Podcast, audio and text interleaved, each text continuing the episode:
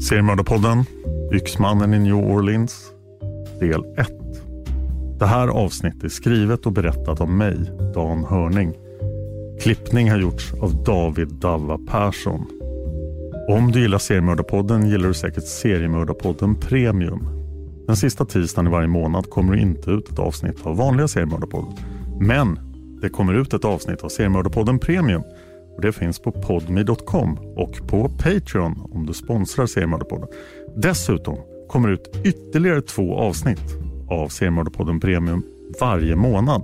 Och I november gjorde jag tre delar om syrabadsmördaren. En seriemördare som lyckades fullständigt lösa upp sina offers kroppar vilket försvårade utredningen väldigt mycket. Men nu ska vi prata om Yxmannen. Thank you.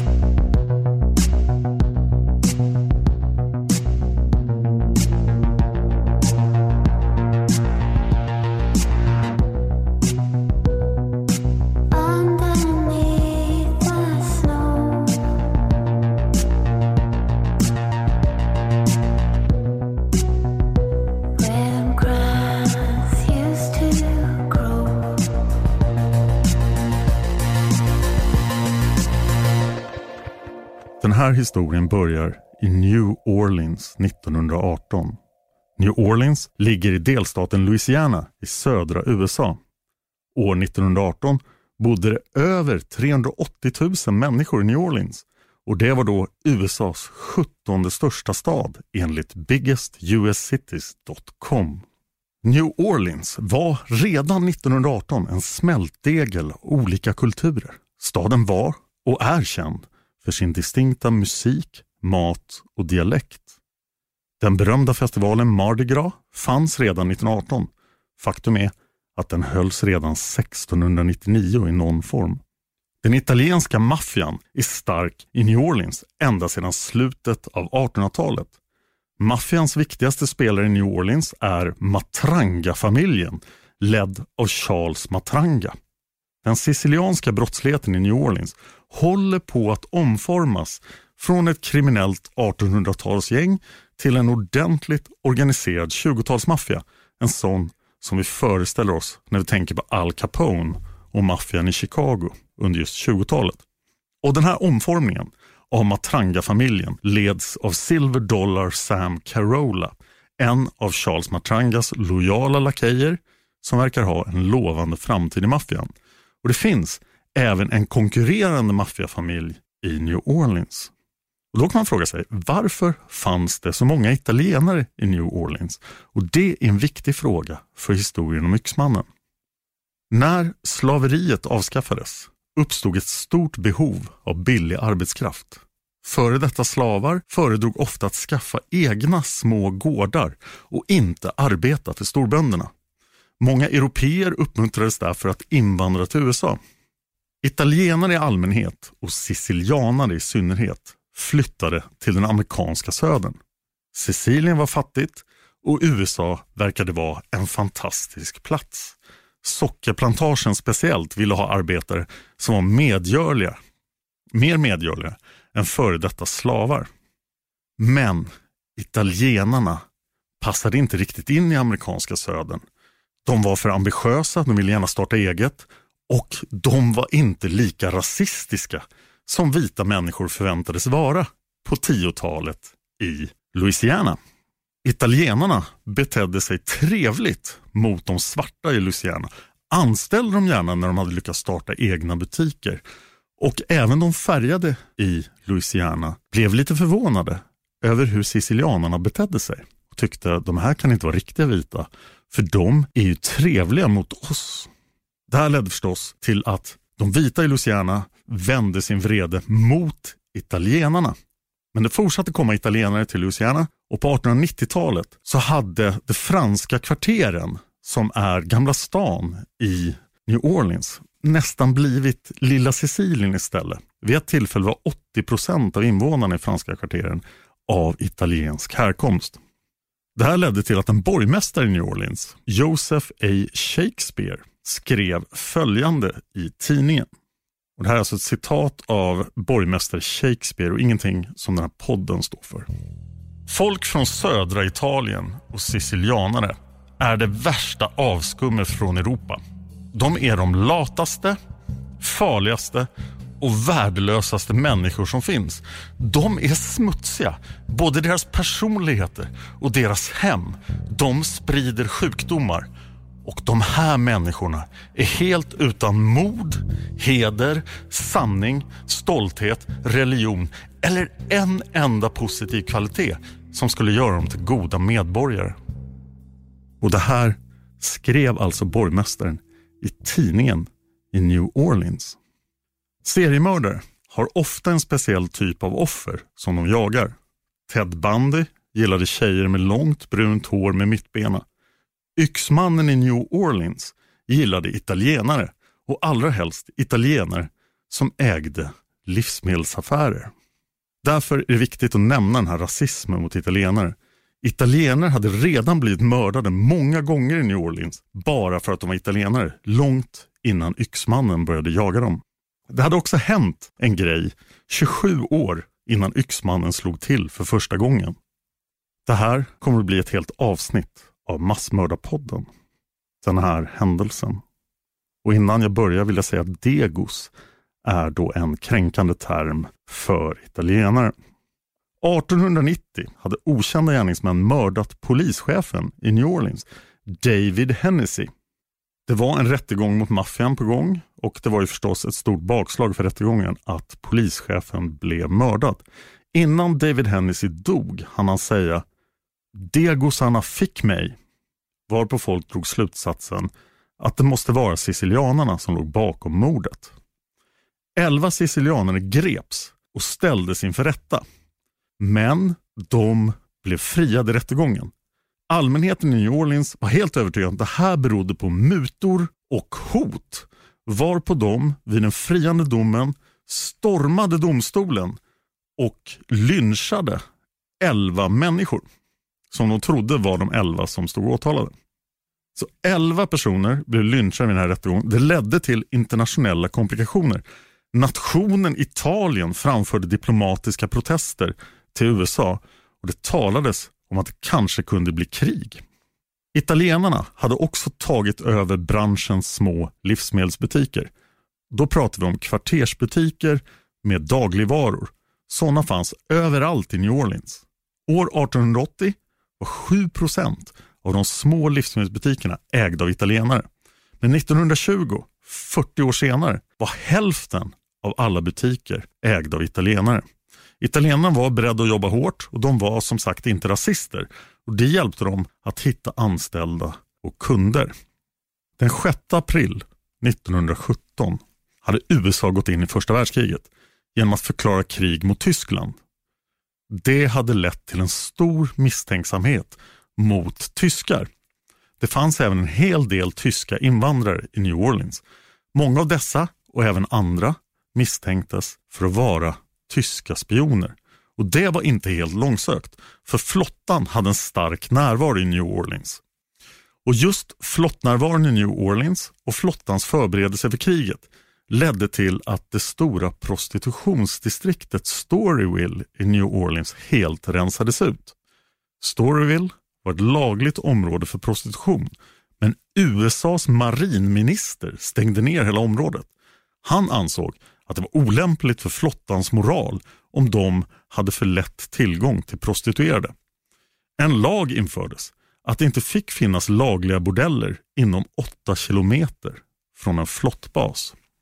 En ny musikstil hade också nyss uppstått i New Orleans. Det var jazz som var oerhört populärt i staden. Utanför New Orleans var jazz fortfarande relativt okänt 1918. Jazz kommer att spela en viss roll i det här olösta seriemordet som vi ska prata om nu. Det var bakgrunden, men det här är berättelsen om yxmannen i New Orleans.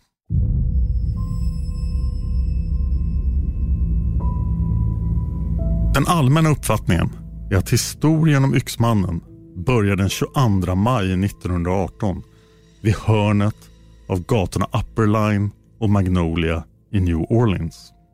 Andrew Maggio var en italiensk invandrare i New Orleans som precis hade kallats in till första världskriget. Han skulle åka över till Europa och slåss mot tyskarna. Det var givetvis extremt farligt och Andrew kändes inte helt entusiastisk inför uppgiften. Eftersom han fortfarande var en fri man i några dagar till hade han tillbringat gårdagskvällen med att supa sig redlöst berusad på en bar. Nu, under den tidiga morgonen, låg Andrew och sov ruset av sig i en lägenhet som han delade med sin bror Jack. Andrew Maggio var barberare och drev en barberarsalong på Camp Street.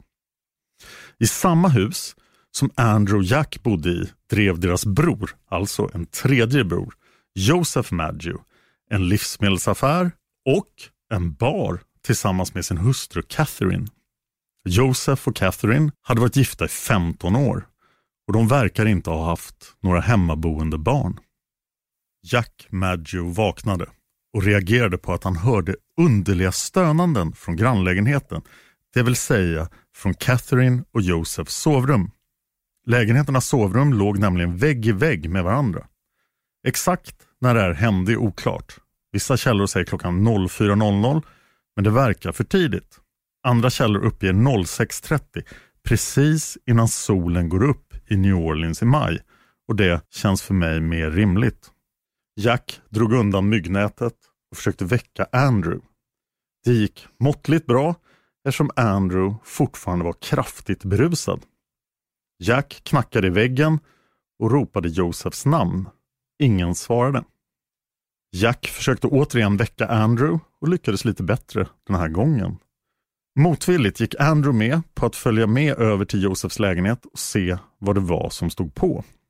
Lägenheterna hade egna ingångar från gatan så Jack och Andrew var tvungna att gå ut för att gå till brodern. När Jack och Andrew kom över till sin brors ytterdörr såg de att en panel i ytterdörren saknades. Den hade tagits bort med en mejsel. Både mejseln och panelen låg på marken bredvid dörren. Det såg väldigt mycket ut som ett inbrott. Oroliga tog sig bröderna in i lägenheten. De kom in i köket och tog sig därifrån Hej, jag Ryan Reynolds. På Mint Mobile, we like to do the opposite of what Big Wireless does. They charge you a lot, we charge you a little. So naturally, when they announced they'd be raising their prices due to inflation, we decided to deflate our prices due to not hating you. That's right. We're cutting the price of Mint Unlimited from $30 a month to just $15 a month. Give it a try at mintmobile.com slash switch. $45 upfront for three months plus taxes and fees. Promo rate for new customers for limited time. Unlimited more than 40 gigabytes per month. Slows. Full terms at mintmobile.com. in i Josephs och Catherines sovrum. Joseph Maggio låg på sin säng med benen över kanten som att han hade varit på väg att resa sig från sängen. Hans fru, Catherine, låg delvis över honom. Jake och Andrew fruktade att paret var döda, men Joseph var fortfarande vid liv. När han såg sina bröder försökte han resa sig upp, men han hade stora svårigheter att göra det. Jake och Andrew sprang fram till sin bror och kunde konstatera att Joseph var döende. Hans huvud var täckt av djupa hugg. Catherine var uppenbart redan död. Hennes huvud var nästan skilt från kroppen. Hon låg mitt i en stor blodpöl som delvis täckte Josef. Andrew och Jack kontaktade polisen. De hävdade senare att det här skedde omedelbart efter det att de hade hittat Josef och Catherine. Josef var för illa tilltyglad för att kunna prata. Några minuter senare dog han framför ögonen på sina bröder. Förste polisman på plats var korpral Arthur Heitner. Strax efter honom kom ambulansen, men ambulanspersonalen kunde bara konstatera att både Joseph och Catherine hade avlidit. Korpral Heitner kallade på förstärkning och höll därefter ett kort första förhör med Jack och Andrew. Det var svårt att förhöra Andrew eftersom han var så berusad. Efter det började Heitner genomsöka brottsplatsen. Heitner kunde konstatera att gärningsmannen hade angripit Catherine och Joseph med en yxa, men det var inte dödsorsaken. Deras halsar hade skurits av med en rakkniv. Den initiala teorin var att yxhuggen hade syftat till att dölja den verkliga dödsorsaken. Polisen hittade, konstigt nog, även mördarens blodiga kläder i badrummet. Det verkade som att gärningsmannen hade bytt till en uppsättning rena kläder innan han lämnade brottsplatsen. Eller så hade han sprungit från platsen, spritt språngande naken. I badrummet hittade polisen även yxan som bröderna kunde intyga tillhörde Joseph Maggio. Yxan stod lutad mot väggen i bakkaret. Någon hade försökt rengöra den från allt blod men det fanns ändå fortfarande blod kvar på den. Andra källor uppger att yxan hittades under huset eller på tröskeln till bakdörren. Polisen kunde dock inte hitta rakkniven. Värdefulla föremål som tillhörde Joseph och Catherine fanns kvar i huset. Flera värdesaker låg fullt synliga men mördaren hade inte tagit dem. Joseph Maggio hade ett kassaskåp. Dörren till kassaskåpet stod öppen och skåpet var tomt. Det fanns däremot pengar under Josefs kudde i den blodiga sängen. Polisen hittade även kontanter i en byrålåda. Catherines smycken låg prydligt inslagna i tyg på en hylla under kassaskåpet.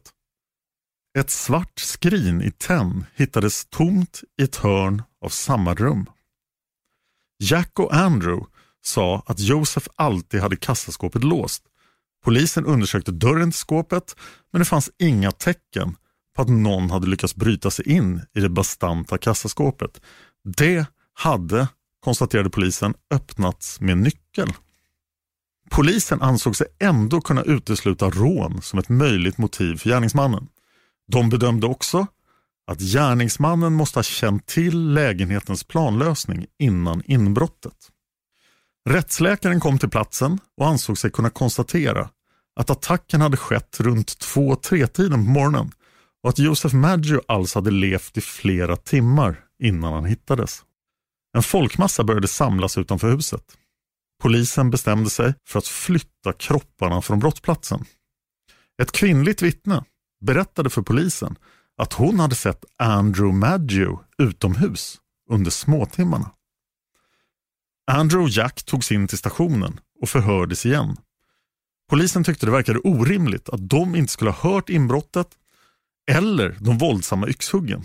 Men bröderna hävdade att de inte hade hört särskilt mycket alls. Något senare hittades rakkniven på en grannes gräsmatta. Den visade sig tillhöra en barberare och inte vilken barberare som helst. Det var Andrew Maggios egen rakkniv. Polisen började nu på allvar misstänka Andrew. Enligt en annan källa hittade korpral Heitner rakkniven själv ganska omedelbart. En av de anställda i Andrews barberarsalong förhördes. Han kunde berätta att Andrew hade tagit hem just den rakkniven två dagar innan dubbelmordet. Andrew hade sagt till den anställde att han behövde finjustera rakbladet eftersom det hade fått ett hack. Andrew Maggio var nu huvudmisstänkt för mordet på sin bror och dennes fru. Polisen bestämde sig dock för att släppa Jack redan dagen efter mordet. Andrew Maggio fick sitta i långa förhör men han fortsatte att hävda sin oskuld. Andrew kunde nu berätta att han faktiskt hade sett en mystisk man som smög runt fastigheten innan dubbelmordet. Troligtvis tidigare under kvällen när han kom tillbaka från sin fyllekväll. När polisen frågade ut Andrew ytterligare om den här mystiske mannen slutade det med att Andrew hade sett mannen vid 01.30 och att den här mannen faktiskt hade gått in i Josephs och Catherines lägenhet. Polisen ställde sig tvivlande till Andrews berättelse och ifrågasatte varför han inte hade berättat det här i sitt första förhör. Andrew svarade att han fortfarande hade varit väldigt berusad vid det första förhöret. Polisen kunde också notera att polismännen på plats alla vittnade om, om att Andrew faktiskt stank av alkohol när de kom till mordplatsen på morddagen. Om Andrew var mördaren hade han utfört dubbelmordet jättefull. Polisen tyckte att Andrew verkade vara en bra misstänkt. Kanske för att det inte fanns riktigt några andra misstänkta alls. Den 24 maj, två dagar efter mordet, häktades Andrew Maggio misstänkt för två mord.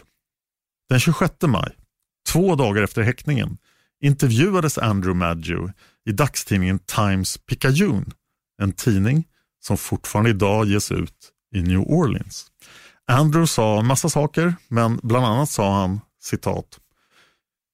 Det är så hemskt att bli anklagad för att mörda sin egen bror. Mitt hjärta är redan tyngt av sorgen efter hans död och nu blir jag anklagad för att mörda honom också. Ut i kriget ska jag. Jag har berättat att jag hade druckit väldigt mycket den där kvällen. Jag var för full för att höra någonting från Josefs lägenhet. Polisen tog inga fingeravtryck. Det första fallet som löstes med fingeravtryck löstes redan 1892 men det var inte standardförfarande att ta fingeravtryck vid ett mordfall i New Orleans 1918. Fingeravtryck hade förmodligen varit en väldigt bra idé i just det här fallet. Polisen bedömde att de inte hade tillräckligt med bevis för att det skulle räcka för åtal mot Andrew Maggio. De hade också problem att hitta ett trovärdigt motiv. Till slut tvingades de släppa Andrew. En annan teori som polisen arbetade med var att det var Matranga-familjen, den lokala italienska maffian, som låg bakom mordet. Josef Maggio var italienare. Han hade ju drivit både en livsmedelsaffär och en bar. Kanske hade maffian tvingat honom att betala för beskydd. Möjligtvis hade Josef vägrat och då blivit mördad. Bröderna Jack och Andrew Maggio hävdade att de inte visste någonting om någon maffia i New Orleans överhuvudtaget. Ryktet om att Matrangas organisation låg bakom dubbelmordet spred sig fort bland italienarna i New Orleans och flera av dem begärde polisbeskydd. Just det här med att begära beskydd av affärsägare var precis vad den italienska maffian hade sysslat med fram till 1907 där en serie uppmärksammade rättegångar hade stoppat den verksamheten, trodde folk. Men maffian fanns ju fortfarande kvar. Men just här, i maj 1918, efter det första mordet, är det ingen som tänker på en seriemördare. Nu är det bara maffian eller Andrew Maggio som är misstänkta. Ett kvarter från brottsplatsen hittade två utredare ett meddelande. Det var skrivet i krita på trottoaren. Meddelandet löd som följer. Fru Maggio kommer att sitta uppe i natt, precis som fru Tony. Poliserna kunde konstatera att det såg ut som att en ung person hade skrivit meddelandet och vi vet inte vad de menade med det. Till en början tog polisen det här meddelandet på stort allvar men de kunde inte riktigt förstå vad det betydde. En teori var att en medhjälpare till gärningsmannen hade skrivit meddelandet på trottoaren för att varna mördaren att Catherine var vaken sent på kvällen. En annan teori var en möjlig koppling till brott som hade begåtts ett antal år tidigare. Och källorna för de här tidigare brotten är inte lika bra som för de morden som brukar räknas till yxmannen, som ju börjar då med dubbelmordet på Josef och Catherine. Sju år tidigare skulle italienska män som ägde livsmedelsaffärer, alltså precis som Josef Maggio, ha blivit attackerade. Antalet offer var oklart, det var antingen två eller tre. Samtliga offer hade mördats med en yxa i sina egna sängar. Allt var väldigt likt mordet på Josef och Catherine. Till och med detaljen om den borttagna dörrpanelen fanns med. Alla tre, eller två, morden från 1911 var ouppklarade. Författaren Michael Newton har hävdat att de här morden inte har hänt. Han säger att det inte finns några dödsattester eller artiklar som styrker de här tidiga morden. Men en tidningsartikel från 1918 innehåller ett citat från en pensionerad polis som heter John D'Antonio. Han påstod sig vara inblandad i mordutredningen från 1911. Citatet i sig är inte viktigt, men det bekräftar för många att de här morden från 1911 verkligen hände. Vi ska prata lite mer om artikeln och om John D'Antonio i nästa avsnitt. Det första offret från 1911 ska ha varit en man vid namn Kruti. Det andra offret var herr Rossetti och det tredje offret var fru Rossetti. Paret Rossetti mördades på ett väldigt liknande sätt som Joseph och Catherine Maggio. Det fanns också ett dubbelmord på ett par från 1912 i New Orleans som väckte utredarnas intresse sex år senare, 1918. De två mordoffren var också italienare, herr och fru Chiambra. De sköts av en inbrottstjuv i deras eget hem tidigt på morgonen den 16 maj 1912. De sköts. Det var alltså ingen yxattack. Herr Chiambra överlevde, men hans fru dog. I andra källor dog båda två. En apotekare vid namn Momfre omnämns som huvudmisstänkt för mordet på fru Chiambra i tidningsartiklar från 1912. Men Momfre verkar inte ha fällts. Det här låter How would you like to look five years younger? In a clinical study, people that had volume added with Juvederm Voluma XC in the cheeks perceived themselves as looking five years younger at six months after treatment. Look younger, feel like you. Add volume for lift and contour in the cheeks with Juvederm Voluma XC. Reverse signs of aging by adding volume to smooth laugh lines with Juvederm Volure XC. For important safety information and to find a licensed specialist, visit juvederm.com. That's J U V E D E R M.com. Not for people with severe allergic reactions, allergies to lidocaine, or the proteins used in Juvederm. Common side effects include injection site redness, swelling, pain, tenderness, firmness, lumps, bumps, bruising, discoloration, or itching. There's a risk of unintentional injection into a blood vessel, which can cause vision abnormalities, blindness, stroke, temporary scabs, or scarring. Talk to a licensed specialist to find out if it's right for you. Inte alls om yxmannen eftersom de blev skjutna. Men vi kommer tillbaka till den misstänkta apotekaren vid namn Momfre i nästa avsnitt. Herr Chiambra hette Tony i förnamn. Utredarna försökte hitta något samband mellan de här brotten från 6-7 år tidigare och dubbelmordet. Det bästa de kom på var att man möjligtvis kunde kalla Tony Chambras fru för fru Tony. Meddelandet hade ju varit Fru Maggio kommer att sitta uppe i natt, precis som fru Tony. Och det här lät ju bra, men polisen kom ingen vart med det spåret. Om de här fyra tidiga morden 1911 och 1912 utfördes av samma gärningsman var han alltså redan uppe i sex mordoffer i slutet av maj 1918. Och Det skulle senare visa sig finnas ännu fler, väldigt många fler tidiga attacker innan 1918 som kan ha haft samma gärningsman. De ska jag prata om i slutet av del två, men de brukar inte räknas till det här fallet av sakkunniga. Nästa månad, i juni 1918, slog yxmannen i New Orleans till igen. Det var antingen den 6 juni eller den 26 juni. Källorna har olika uppgifter.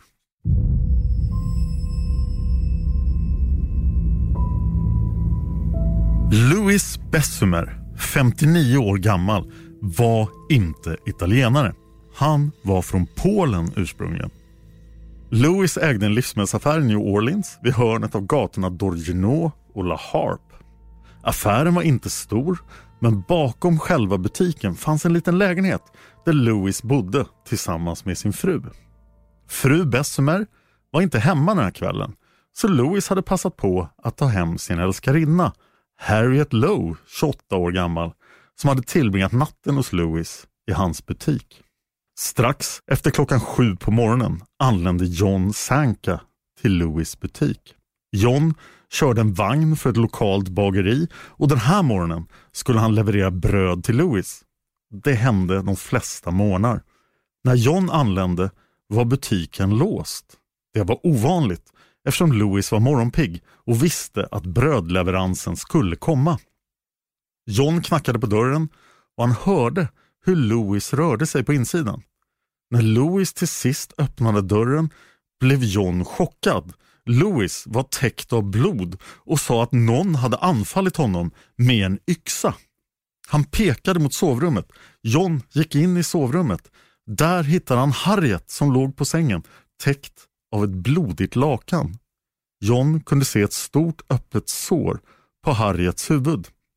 Blodiga fotspår ledde från sängen fram till en stor hårtest med löshår som låg på golvet. John ville ringa till polisen, men Louis sa att det var bättre att de ringde hans privata doktor istället. John struntade dock i det och ringde till polisen ändå. Under samtalet klargjorde John att det även behövdes en ambulans. Polisen anlände till platsen. Rättsläkaren kunde konstatera att Lewis hade slagits med en vedyxa strax ovanför höger tinning. Harriet hade träffats över vänstra örat. Hon var inte vid medvetande när polisen anlände. Harriets skada skulle senare ha visat sig orsakat permanenta psykiska problem. Vedyxan som hade använts vid attacken hittades i badrummet. Det var Louis Bessumers egen yxa. Gärningsmannen hade tagit sig in i bostaden genom att bända bort en panel i dörren med hjälp av en mejsel. Båda offren var vid liv och omhändertogs. Louis kunde berätta att han hade sovit när en okänd förövare högg honom i huvudet. Men här ljög Louis för polisen och sa att Harriet var hans fru. Han kunde inte ge ett signalement på gärningsmannen. Hans skador var inte lika allvarliga som Harriets. Hon var svårt medtagen och verkade inte helt vid sina sinnens fulla bruk. När hon vaknade kunde hon dock berätta att gärningsmannen var blandad härkomst. Han hade besökt butiken precis innan stängningsdags. Harriet överraskade dock utredarna med att berätta att han då hade anfallit henne och Louis. Det verkade helt omöjligt, tyckte utredarna, att attacken hade skett på kvällen. Under gårdagen. Både Louis och Harriet var klädda i nattsärkar och damer tog inte emot kunder i nattsärk i en livsmedelsbutik 1918. Men polisen i New Orleans var rasister och deras favoritsysselsättning var att gripa färgade. Och nu hade de ett ögonvittne som pekade ut en färgad. Därför grep de på extremt lösa grunder kunden i fråga, en Louis Obicon hädanefter kallad Obicon eftersom han ju har samma förnamn som butiksägaren och offret Louis Bessemer. Obicon var 41 år gammal och afroamerikan. Han har varit anställd i Louis Bessemers butik fram till en vecka innan attacken. Det verkade som en bra potentiell gärningsman för New Orleans-polisen. Det fanns bara ett problem. Det fanns inga som helst bevis på att Obikon ens hade varit i närheten under mordnatten. Det förekom en polisrapport där Obikon själv hävdade att han hade varit i närheten. Men den anklagades snart för att vara en förfalskning och sen försvann den under underliga omständigheter. Polisens initiala teori var att det här var ett solklart rån, men varken pengar eller smycken i hemmet hade tagits av gärningsmannen. Ingen tog fingeravtryck på brottsplatsen den här gången heller. De blodiga fotspåren blev det inte heller mycket av. Både Louis och Harriet berättade senare att de hade gått på golvet barfota efter att ha blivit yxhuggna i huvudet. Tidningarna i New Orleans började ifrågasätta varför Obicon hölls inspärrad varpå polisen diskret släppte honom. Media behövde då något nytt att intressera sig för och det fick de när polisen hittade ett antal brev i Louis hem skrivna på tyska, ryska och jiddisch. Breven låg i en resväska. Polisen började då misstänka att Louis Bessemer, som ju sa att han varken var tysk, rysk eller jude, i själva verket var en tysk spion. Polisen försökte förhöra Harriet om den de nu fortfarande trodde var hennes man och om han var en spion eller inte. Men hon pendlade in och ut ur medvetslöshet. Vid ett tillfälle vaknade hon till och när hon fick frågan om Louis var en tysk spion sa hon Ja, visst. Varpå polisen omedelbart grep Louis Bessemer. Louis hade alltså just blivit slagen med en yxa i huvudet när han låg och sov i sin egen säng och nu var han gripen för spioneri, ett brott som hade dödsstraff i straffskalan. Spionutredningen visade att Lewis bara hade bott i New Orleans i tre månader och vad han hade gjort innan är oklart i källorna. Polisen fick nu också reda på att Harriet Lowe och Louis Bessemer inte alls var gifta. Det allvarligaste med det var förstås att Louis hade ljugit för polisen. Hela historien kom ut när Louis försökte besöka Harriet på sjukhuset och kallade henne för fru Harriet Lowe medan hon var registrerad på sjukhuset under ett annat namn, förmodligen som fru Harriet Bessemer. Och saker och ting blev inte bättre när Louis Bessemers riktiga fru dök upp. Hon kom hem från en längre vistelse i Cincinnati. Tidningarna i New Orleans älskade historien om storspionen Louis Bessemer och otrohetsaffären. De beskrev glatt hur Louis livsmedelsaffär hade varit ett tillhåll för kejsarens spioner. De skrev även att Louis och Harriet var narkomaner. Louis beskylldes för att vara en opiumsmugglare. Den federala polisen, BOI, The Bureau of Investigation, kom för att undersöka fallet. BOI bytte senare namn till FBI 1935. De federala poliserna hittade inte särskilt mycket. En lokal polis berättade för utredarna att han trodde att alla de här historierna i tidningarna kom från att Louis och Harriet var osams och sa elaka saker om varandra. Till slut tog en jury ställning till Louis Bessemers spioneribrott. Det var inte jättesvårt för juryn att avfärda breven och frikänna Louis. Två polismän som hade varit inblandade i spionutredningen degraderades för citat obegripligt dåligt polisarbete. Harriet var nu tillräckligt frisk för att skrivas ut från sjukhuset. Till tidningens stora glädje flyttade hon omedelbart hem till Louis Bessemer igen. Louis verkade inte klandra henne för spioneriaffären. Och exakt var Louis Bessemers riktiga hustru uppehöll sig under den här tiden är inte fullständigt klart. Förmodligen hade de separerat tidigare. Det verkar faktiskt som att Harriet Lowes bostad var hemma hos Louis. Idag skulle vi nog ha betraktat det här som att Louis och hans hustru låg i skilsmässa och Louis nya sambo var Harriet Lowe. Det här var dock oerhört skandalöst enligt 1918 års moral. I vissa versioner av den här historien har Louis Bessemer ingen hustru. Men uppgiften att han har det kommer från tidningen Times Picayune, utgåvan den 3 juli 1918. Louis försökte nu gömma sig undan pressen, men Harriet pratade glatt med tidningarna fortfarande. Däremot vägrade Harriet nu att prata med polisen. Hon hävdade för media att det var polischefen i New Orleans, Mooney, som hade avslöjat otrohetsskandalen och kanske till och med ringt hem Louis Bessemers riktiga hustru. Harriet kände sig nu lite bättre och hon blev inlagd på en operation för att återskapa hennes ansikte som fullständigt hade pulveriserats av yxmannen. Operationen ledde till komplikationer och i augusti 1918 låg Harriet Lowe döende på sjukhuset hela två månader efter attacken. I ett sista förhör berättade Harriet att hon nu skulle avslöja sanningen om attacken. Det var faktiskt, hävdade Harriet, Louis Bessemer själv som hade huggit henne med yxan. Han hade även huggit sig själv i huvudet för att dölja sitt brott. Kort efter det här förhöret, den 5 augusti 1918, dog Harriet Lowe av komplikationerna från sin operation efter yxmannens attack.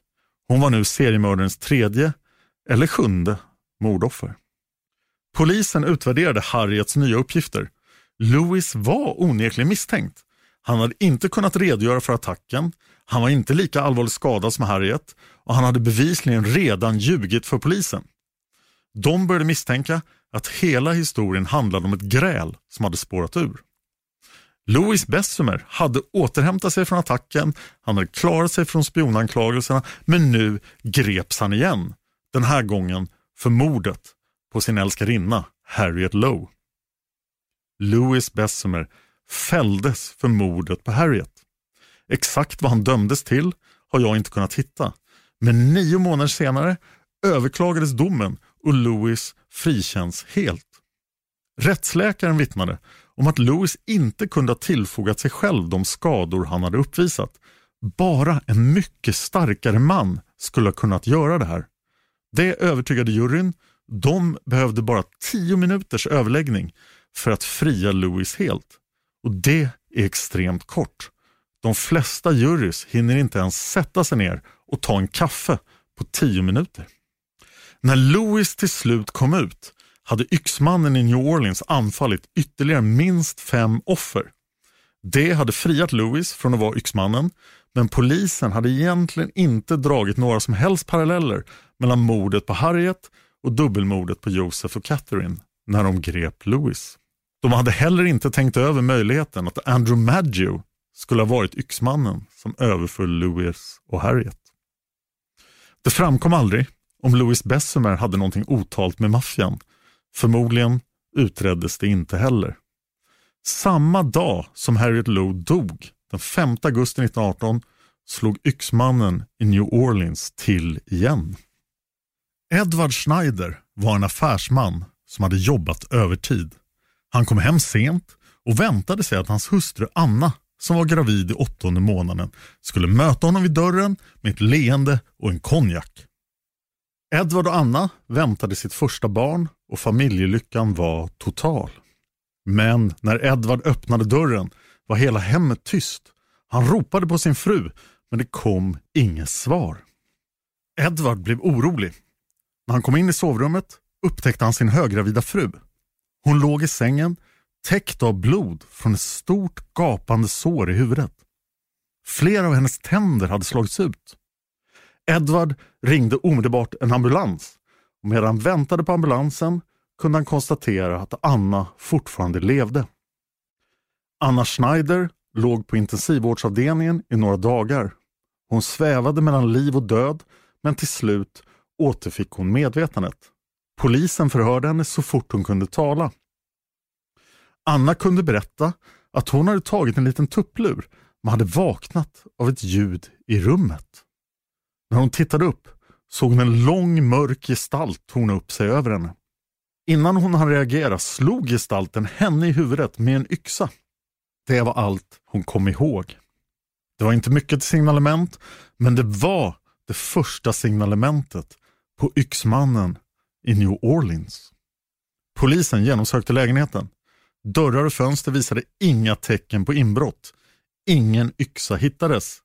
En teori var att en lampa från ett bord i sovrummet var vapnet som hade använts mot Anna Schneider. Annas graviditet påverkades inte av attacken. Hon låg kvar på sjukhuset under observation och en vecka senare blev hon stolt mamma till en frisk liten flicka. Av oklar skäl grep polisen en James Gleason som de berättade var en ex-fånge. Ingen kunde riktigt förstå varför. James försökte fly från polisen när de skulle gripa honom men under förhör berättade han att det i hans kretsar var standard att alltid springa när polisen kom. Till slut blev polisen tvungen att släppa James Gleason eftersom den pinsamma sanningen var att det fanns absolut ingenting som tydde på att han var gärningsmannen. Pressen tyckte att James Gleason var ännu en Andrew Maggio eller Louis Obicon. Det verkade vara New Orleans-polisens strategi att snabbt gripa någon, gärna en färgad, när ett allvarligt brott hade inträffat. Det var inte så noga med om den gripne hade någonting med brottet att göra eller inte.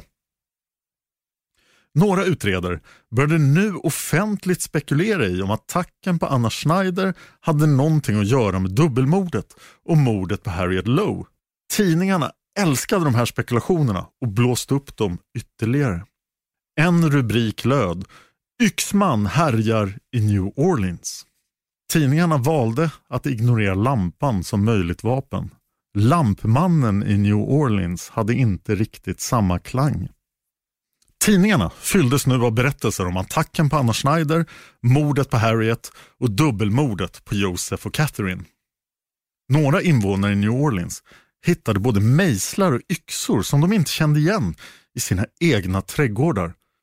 Var det yxmannen som förberedde sig för att attackera dem också? Paniken spred sig i staden. Alla som ägde en yxa var misstänkta.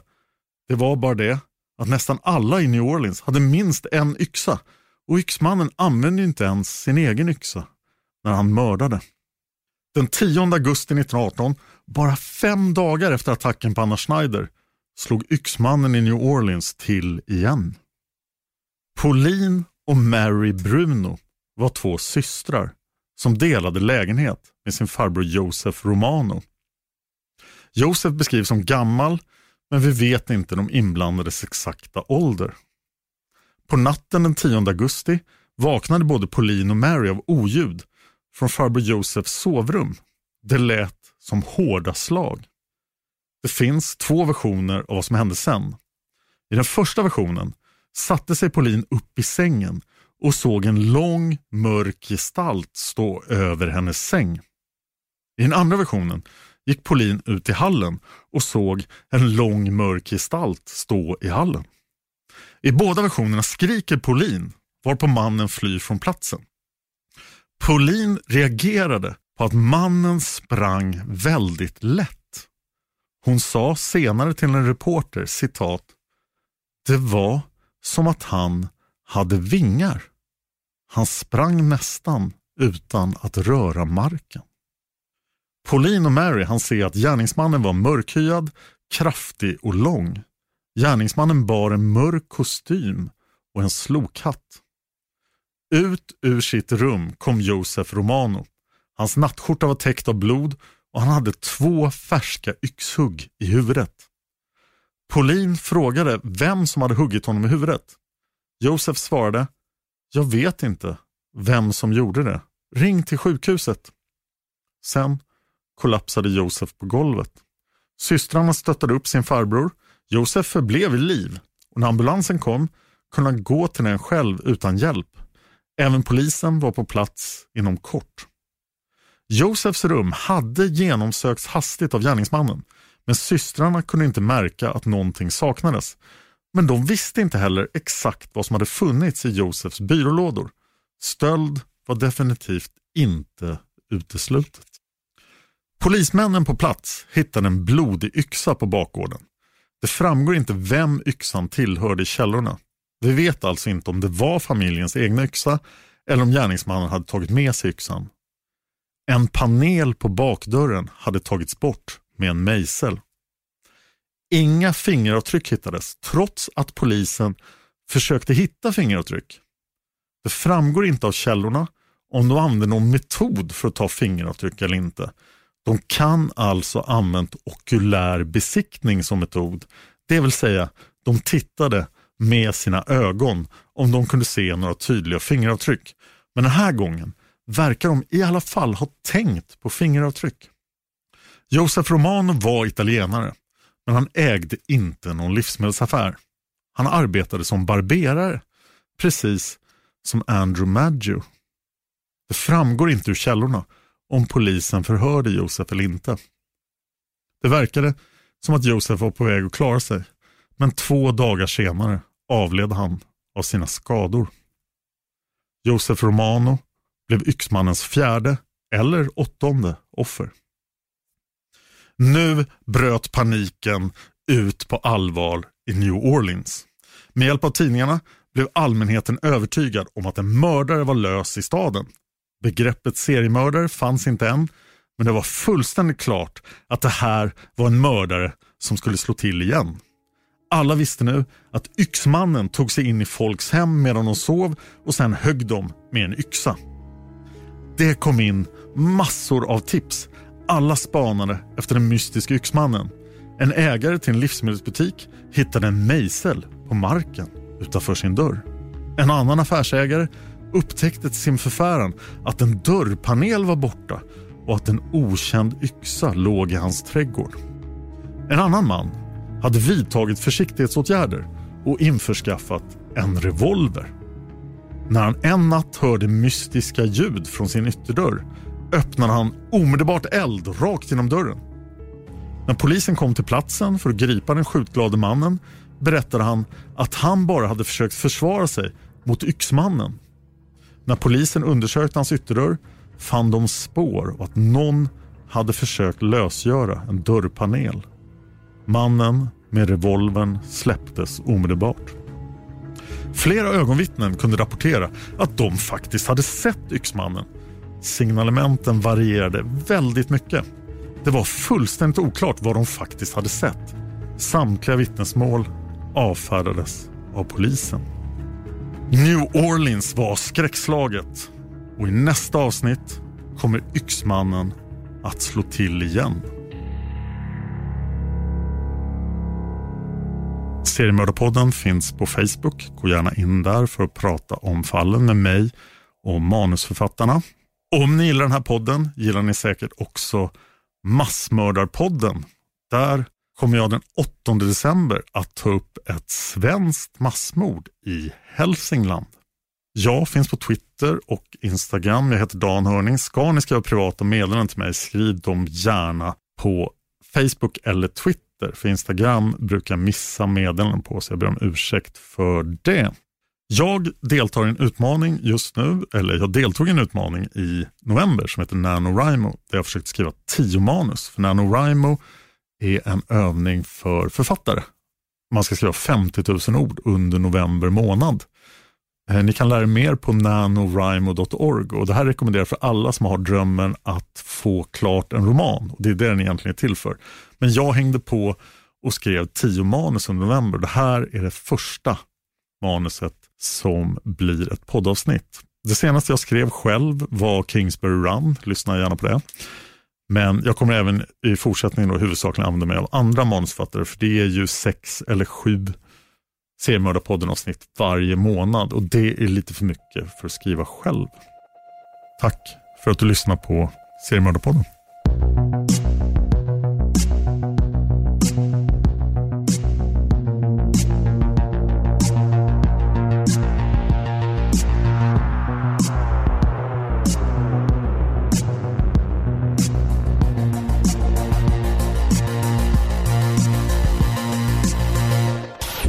Produceras av I Like Radio. I like radio.